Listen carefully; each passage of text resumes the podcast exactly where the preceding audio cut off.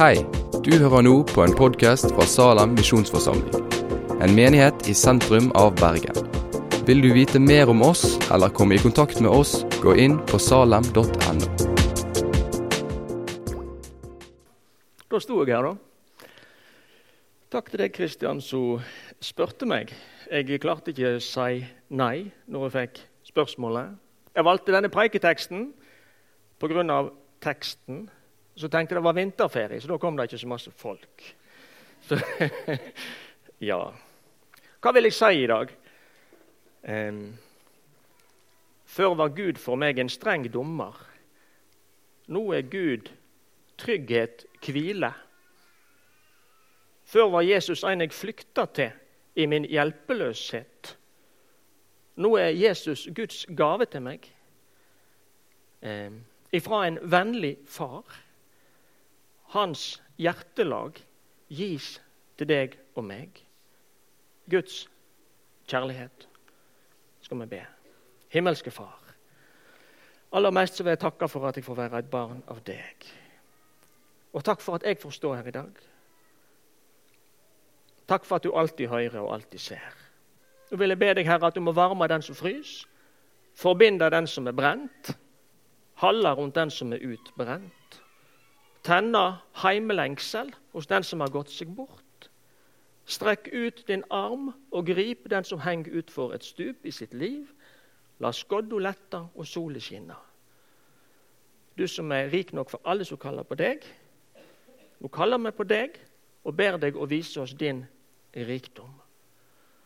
Be at du må stå ved min side i dag. Du har sagt, Herre, at vi skal forlate opp munnen, så vil du fylle den.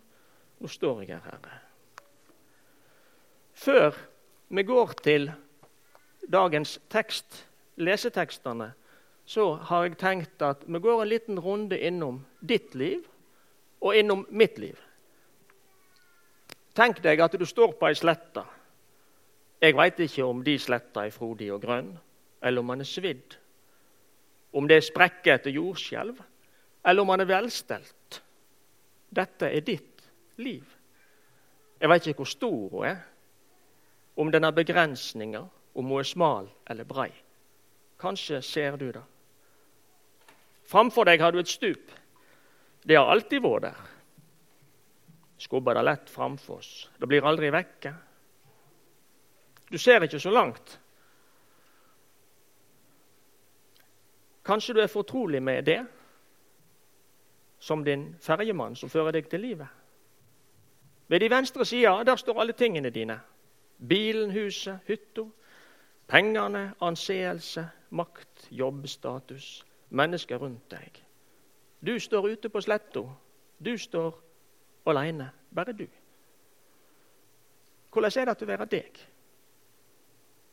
Har du sko som beskytter deg mot underlaget i den daglige vandringen? Eller stikker du deg på noe? På ord, på taushet, minne, bekymringer?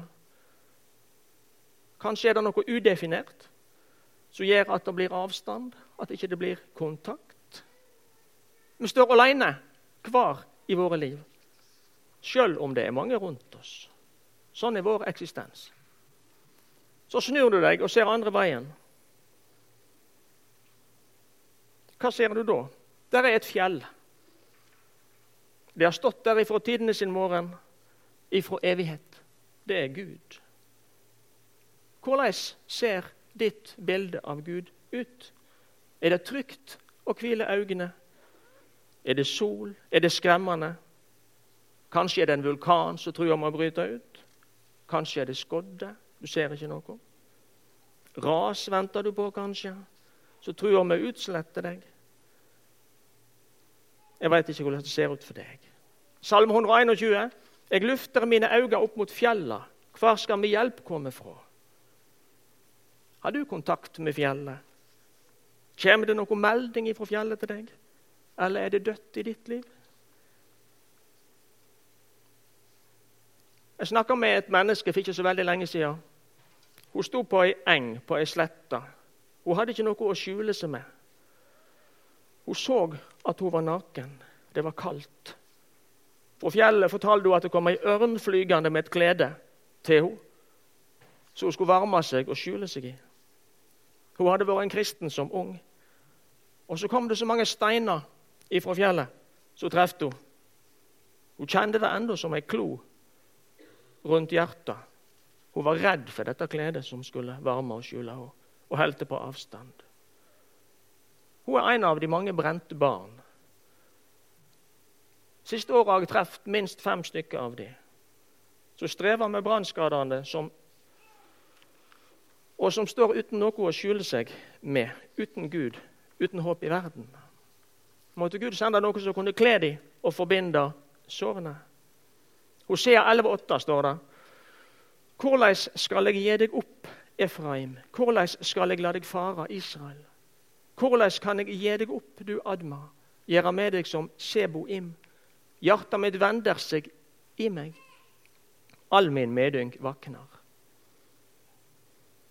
Så til et annet bilde båten. Gud som det store fjellet, jeg som en båt, du som båt. Rundt fjellet er det hav, det flyter mange båter. Vi har hver vår vesle båt.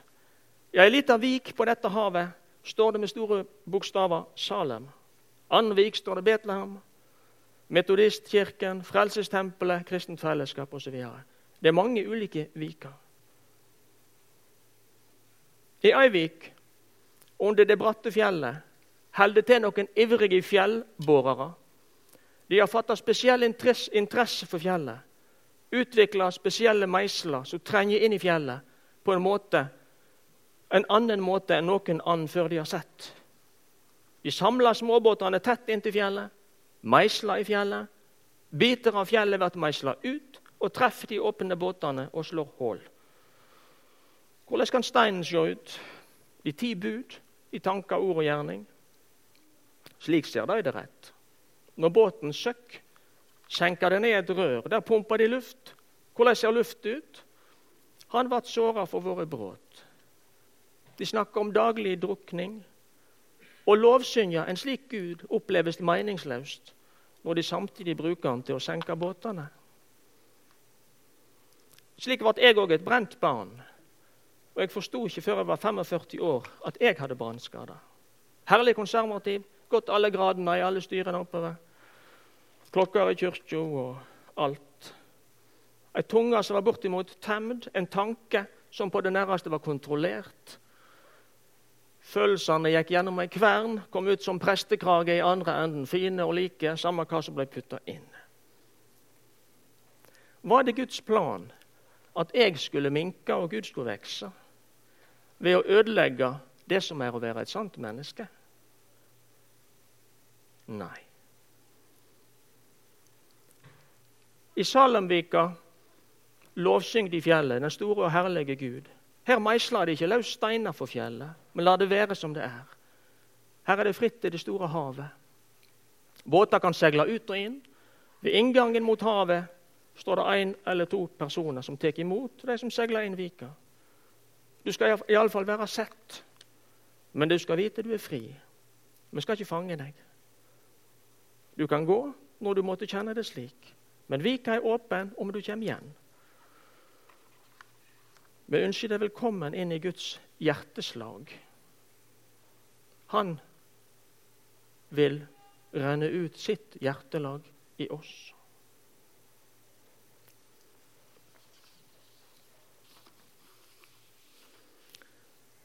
Jeg hadde meg en runde i ørkenen. Jeg levde kun på nattvær og velsignelsen en del år. Ble veldig sint når det ble sentral forkynnelse. Fant ikke svar på hvordan ting hang sammen. Eh, og så var det ei i Salem her som gikk opp på talerstolen og snakka i tunge. Det var ei hilsen fra den omfavnende Gud. Ingen belæring, ingen tolking for tanken, bare omsorg. Jeg har måttet gå på spesialkost etter den brannskaden av steinbitene fra fjellet.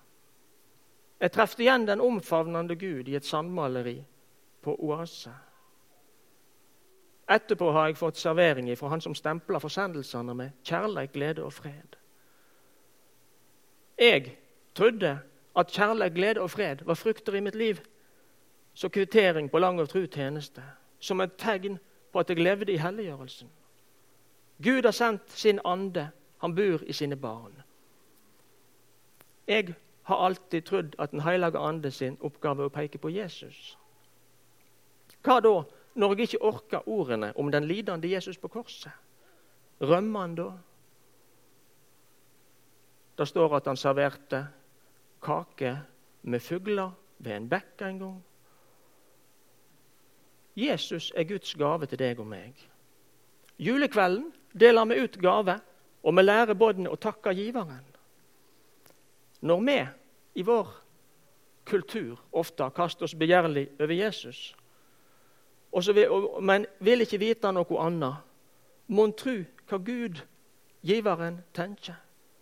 Mon tru om han lengter etter å gi det hvile. Han leder meg til vann der jeg finner hvile. Gud er hvile. Gud er kjærleik. Og han vil være hvile under reisa, ikke bare der framme, men på veien. Det står i lesetekstene Nå skal vi over til dagens lesetekster. Jeg vil lese de to lesetekstene før jeg ser på hovedteksten. Fra Salomes høgsang 8,67, der står det Set meg som et segl på hjertet ditt, og som et segl på armen min. For sterk som døden er kjærleiken, stri som dødsrik i sin tråd. Han gløder som elden gløder, en Herrens låge. Mange vann kan ikke sløkke kjærleiken, og elver kan ikke fløyme over han. Om noen ville gi alt han har i huset sitt for kjærleiken, vil han bare verte vanvyrd. Og så er for Jesu øversteprestelige bønn Johannes 17, 20-26. Jeg ber ikke bare for disse, men òg for de som ved orda deres kommer til å tro på meg, at de må være ett, liksom du, Far, i meg og jeg i deg. At de må være ett i oss, så verden skal tro at du har sendt meg. Og den herligdommen du har gitt meg, har jeg gitt deg, så de skal være ett, liksom vi er ett. Jeg i deg og du i meg så de skal være fullkomlig ett.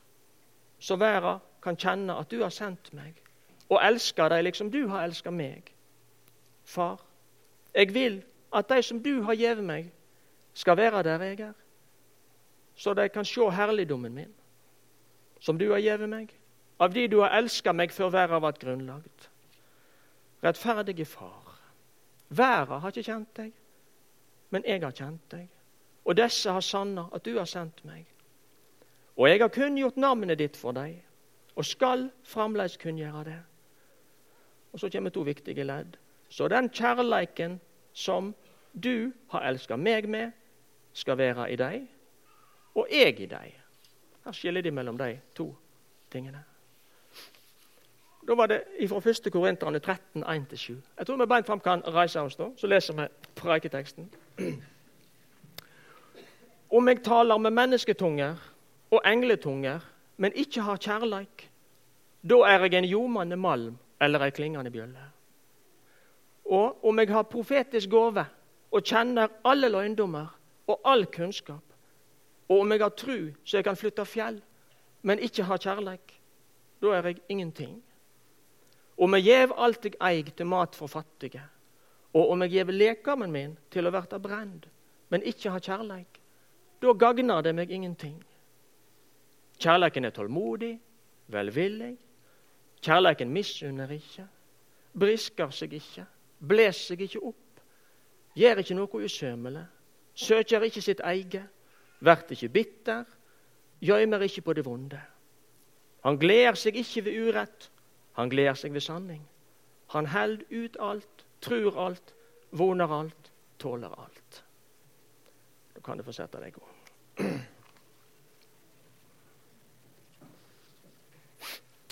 Paulus ble et redskap for Jesus. Sendt til byen Korint. Eh, den hadde vært gjennom krevende tider. Eh, han var utsletta en del hundre år før Paulus kom omtrent. Så var det fanger fra Roma som ble sendt dertil, og så utgjorde byen. I mellom 200 og 400 000 mennesker, ca. år 50 etter Kristus. Så skrev han brevet med det fokuset eh, Det første brevet omhandler vanskene med å opprettholde et kristent samfunn i en verdensby. Kjærleiken som vi snakker om her, i, vers, kapittel, i kapittel 13, hvilken kjærlighet er det? Er det Guds kjærlighet til oss? Er det vår kjærlighet til Gud? Er det vår kjærlighet til andre mennesker? Alle disse variantene får problemer. De innsnevrer kjærligheten til en moralsk prestasjon. Det står i Romerne 5,5 at Guds kjærlighet er utrent i våre hjerter ved Den hellige ande, som ble gitt oss. Kjærligheten som vi snakker om i kapittel 13, det er Guds kjærlighet som er utrent i våre hjerter. Har du ei mugge med vann, og du renner ut oppi noe, så er han der. Eh, det er ikke en frukt. Det er noe som kommer utenfra, blir utrent oppi. Det er ikke noe krav at alt mitt skal vekk. Det blir tømt oppi. En guddommelig egenskap.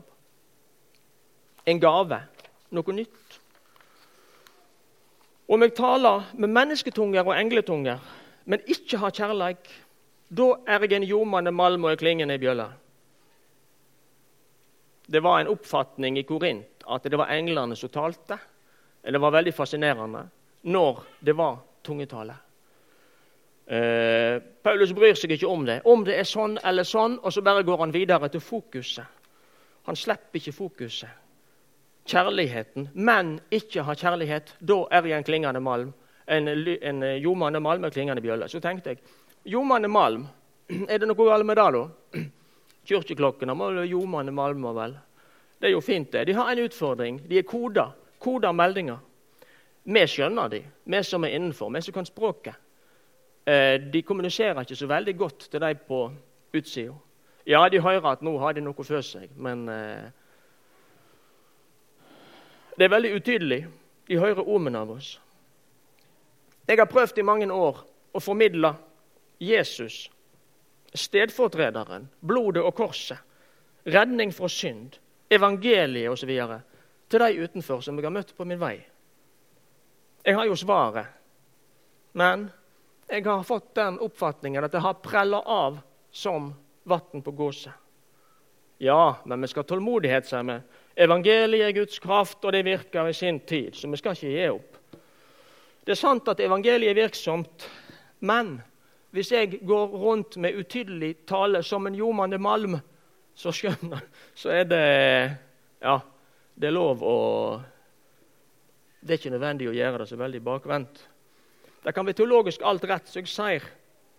Men hvis jeg går rundt med et bilde av Gud som en hard herre, som frelser meg med Jesus sin stedfortredende død, hvor blir det da av Guds kjærlighet som er utrent i mitt hjerte? Ja, det er jo rett det at Gud er streng, og Jesus er redningen. Men hva med det elementet Guds kjærlighet som er utrent i mitt hjerte? Her har jeg blanda kortene opp gjennom årene. Gud er kjærlighet. Gud, Jesus og Den hellige ande er team. De er enige. Det er ikke sånn at de er i krig med hverandre, at Gud er fortsatt den strenge, den harde, og så er jeg skjult bak Jesus. Ja, jeg er skjult bak Jesus, og jeg er frelst. Men det er fred mellom de tre. Når et jeg møter et du, så kan det oppstå kontakt. Det oppstår noe mellom to personer mer enn hva de to personene er, er hver for seg. Det oppstår ei spenning som jeg ikke kan lyge meg ifra. Forutsetningen for kontakt er sannhet. Hvis jeg lyver om Gud, hjelper det ikke om det er i god tro. Hvis jeg, som et brev til verden, byr de Kristus uten Guds kjærlighet, som er utrent i mitt hjerte, som driver meg, tror du det kan merkes? Skal jeg slutte å jobbe da? Skal jeg slutte å arbeide med å utbre Guds rike? Nei. Gud kan gjøre under, og Gud har bruk for alle. Men jeg vil anbefale å ha strømmen kobla på på boremaskinen istedenfor å rotere den rundt for hånd. Det er tungvint. Om jeg har profetisk gave og kjenner alle løgndommer og all kunnskap, om jeg har tru så jeg kan flytte fjell, men ikke har kjærleik, da er jeg ingenting. Går det an? Profetisk gave taler til menneskene til oppbygging, formaning og trøst. Utlegger det sånn at skattene i Skriften blir tilgjengelige? Går det an å ha profetisk gave, men ikke ha Guds kjærleik? Og være ingenting? Et eller annet er det Paulus ønsker å formidle. Og som Gud ønsker å formidle. Og vi kjenner alle løgndommer. Hva løgndommer har vi? Guds visdom, den skjulte fra Gud, ifra evighet, som er forutbestemt til vår herlighet. Det er en løgndom. En dag skal Guds herlighet bli åpenbara på deg. Ikke rundt omkring, men på deg, du som kommer til kort. Ja, det skal bli en ny himmel og ny jord òg. En dag skal du og jeg gå på gater av gull, fullkomne. Kjenne på takk. Vi skal ikke kjenne mer på det som var, for det er borte. Guds herlighet på deg. Og En dag så kommer Jesus igjen. Jeg tror han kommer snart igjen. Det er veldig stille om det. Det er ikke så mange som snakker om det. Men da skal vi se det som lyn ifra himmelbryn til himmelbryn. Da er det strek for vår tjeneste til å formidle Guds kjærlighet til vår neste, til vår ufrelste nabo. Og da står de der uten Guds kjærlighet, ribba for alt, enda om de er svært rike. Går det an å kjenne alle løgndommene i Skriften og ikke ha Guds kjærlighet? Og være ingenting? Det ser sånn ut. Kunnskapen blåser opp, men kjærligheten bygger opp. Går det an å ha kunnskap, men ikke ha Guds kjærlighet? Være ingenting. Ser sånn ut. Og går det an å gi alt jeg har, til de fattige? Og leker man til å bli brent, men ikke ha kjærlighet? Det ser sånn ut.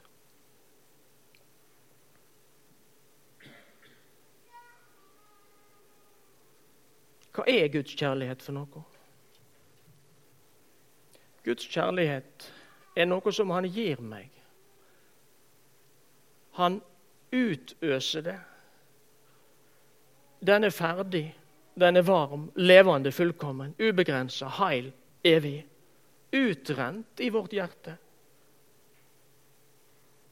Det er pulslaget hans, det er hjerteslaget hans, som ikke kan slippe den som valgte Gud vekk. Det er livet, kontakten. Og Så står det litt egenskaper om kjærleiken. Han er tålmodig. Det betyr han utheller det vonde. Velvillig. Lar seg bruke, finner seg i at andre drar veksler på han. Betyr det at han utheller det vonde, at jeg skal snu det andre kinn til når noen utnytter meg? Betyr det at jeg skal alltid være villig imot min neste? Alltid la de dra veksler på meg? Absolutt ikke. Det har ikke noe med mine, mine grenser som menneske å gjøre. Jesus var sant menneske. Han var trøtt, trekte seg tilbake fra folket. Jeg har fått ansvar for mine grenser. Og Gud har gitt meg følelsen sinne til spesielt å vakte grensene mine. Å ta ifra et barn retten til å si nei, kalle nei for synd, det er en katastrofe. For evnen til å si nei Hvis du tar vekk den, så forsvinner òg evnen til å si nei til det onde. Er det rart at enkelte miljø må ha strenge regler og murer for sitt liv hvis det blir for kjært framstilt. Den som kaller følelsene for synd, og kaller fjerning av dem for helliggjørelse, handler i beste fall i uvitenhet. Gud har gitt oss følelsene til å manøvrere som et menneske. Som røde, gule og grønne trafikklys. Noen har sett som sin oppgave å sløkke dem. De veit ikke hva de gjør. Det er Guds egenskap å holde ut det vonde, og Guds egenskap å la seg bruke. Det er den som blir uttømt i mitt hjerte. Jeg blir ikke bedt om å forandre mine menneskelige, gudgitte egenskaper. Hvor er den kjærligheten? Hvor ofte vil jeg ikke samle dykk som ei hønemor under sine venner? Men det vil jeg ikke. Det er et utslag av kjærligheten. Brisker seg ikke, bles seg ikke opp. Gjør ikke noe usømmelig. Guds kjærlighet lar seg ikke friste av synden. Den som kan blende oss, som sier 'Alt dette gjev deg om du faller på kne og tilber meg'. Ser du at det er Guds kjærlighet det er snakk om? Det er ikke min kjærlighet. Verken den medfødte eller den helliggjorte i mitt liv. Vi kan være flinke og ha dressur på vår helliggjorte kjærlighet. Men han blir aldri fullkommen. Det visste Gud. Han ordna det sjøl. Søker ikke sitt eget, blir ikke bitter. Guds kjærlighet har ikke noe har ikke nok med seg sjøl. Han blir ikke fornærma om han blir avvist. Den oser av varme for sine barn. Isaiah 55, 1 står det. Og alle de tyrste, kom til vatna. Og det som ingen penger har, kom, kjøp og et. Ja, kom og kjøp uten penger, uten betaling. Vin og mjølk. Altså glede og næring, føde. Min kjærlighet, derimot, skal elske min neste som meg sjøl, eller meg sjøl som min neste. Og si at min menneskelige gudgitte kjærlighet skal ut, og Guds kjærlighet inn, det har ikke vi dekning for i Skriften. Det er plass til de begge to. Det står kjærligheten gjemmer ikke på det vonde. Kom og la oss gå i rette med hverandre, sier Herren. Om dine synder er som purpur, skal de bli hvite som snø. Om de er røde som skarlagen, skal de bli som den hvite ull. Slik er Guds kjærlighet. Han gleder seg ikke ved urett, gleder seg ved sanning.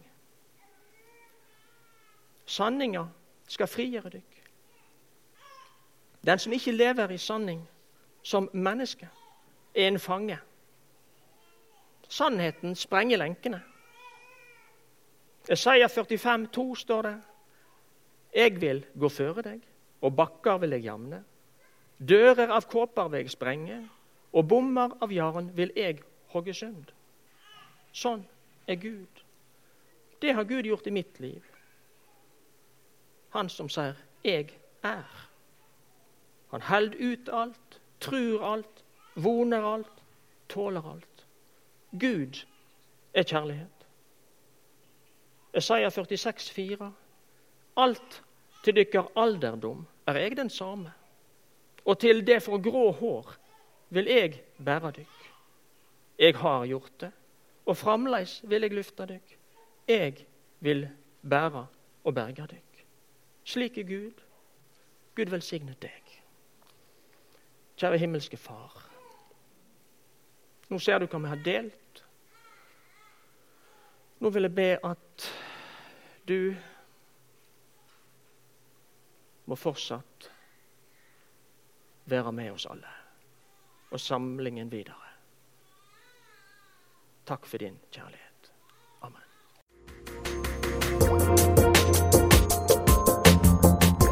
Takk for at du har hørt på podkasten fra Salem, Bergen.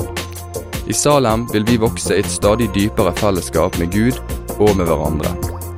Vi vil være Jesu hender og føtter, og vi vil være med og forkynne frelse for Bergen og resten av verden. Besøk oss gjerne på salem.no om du vil vite mer.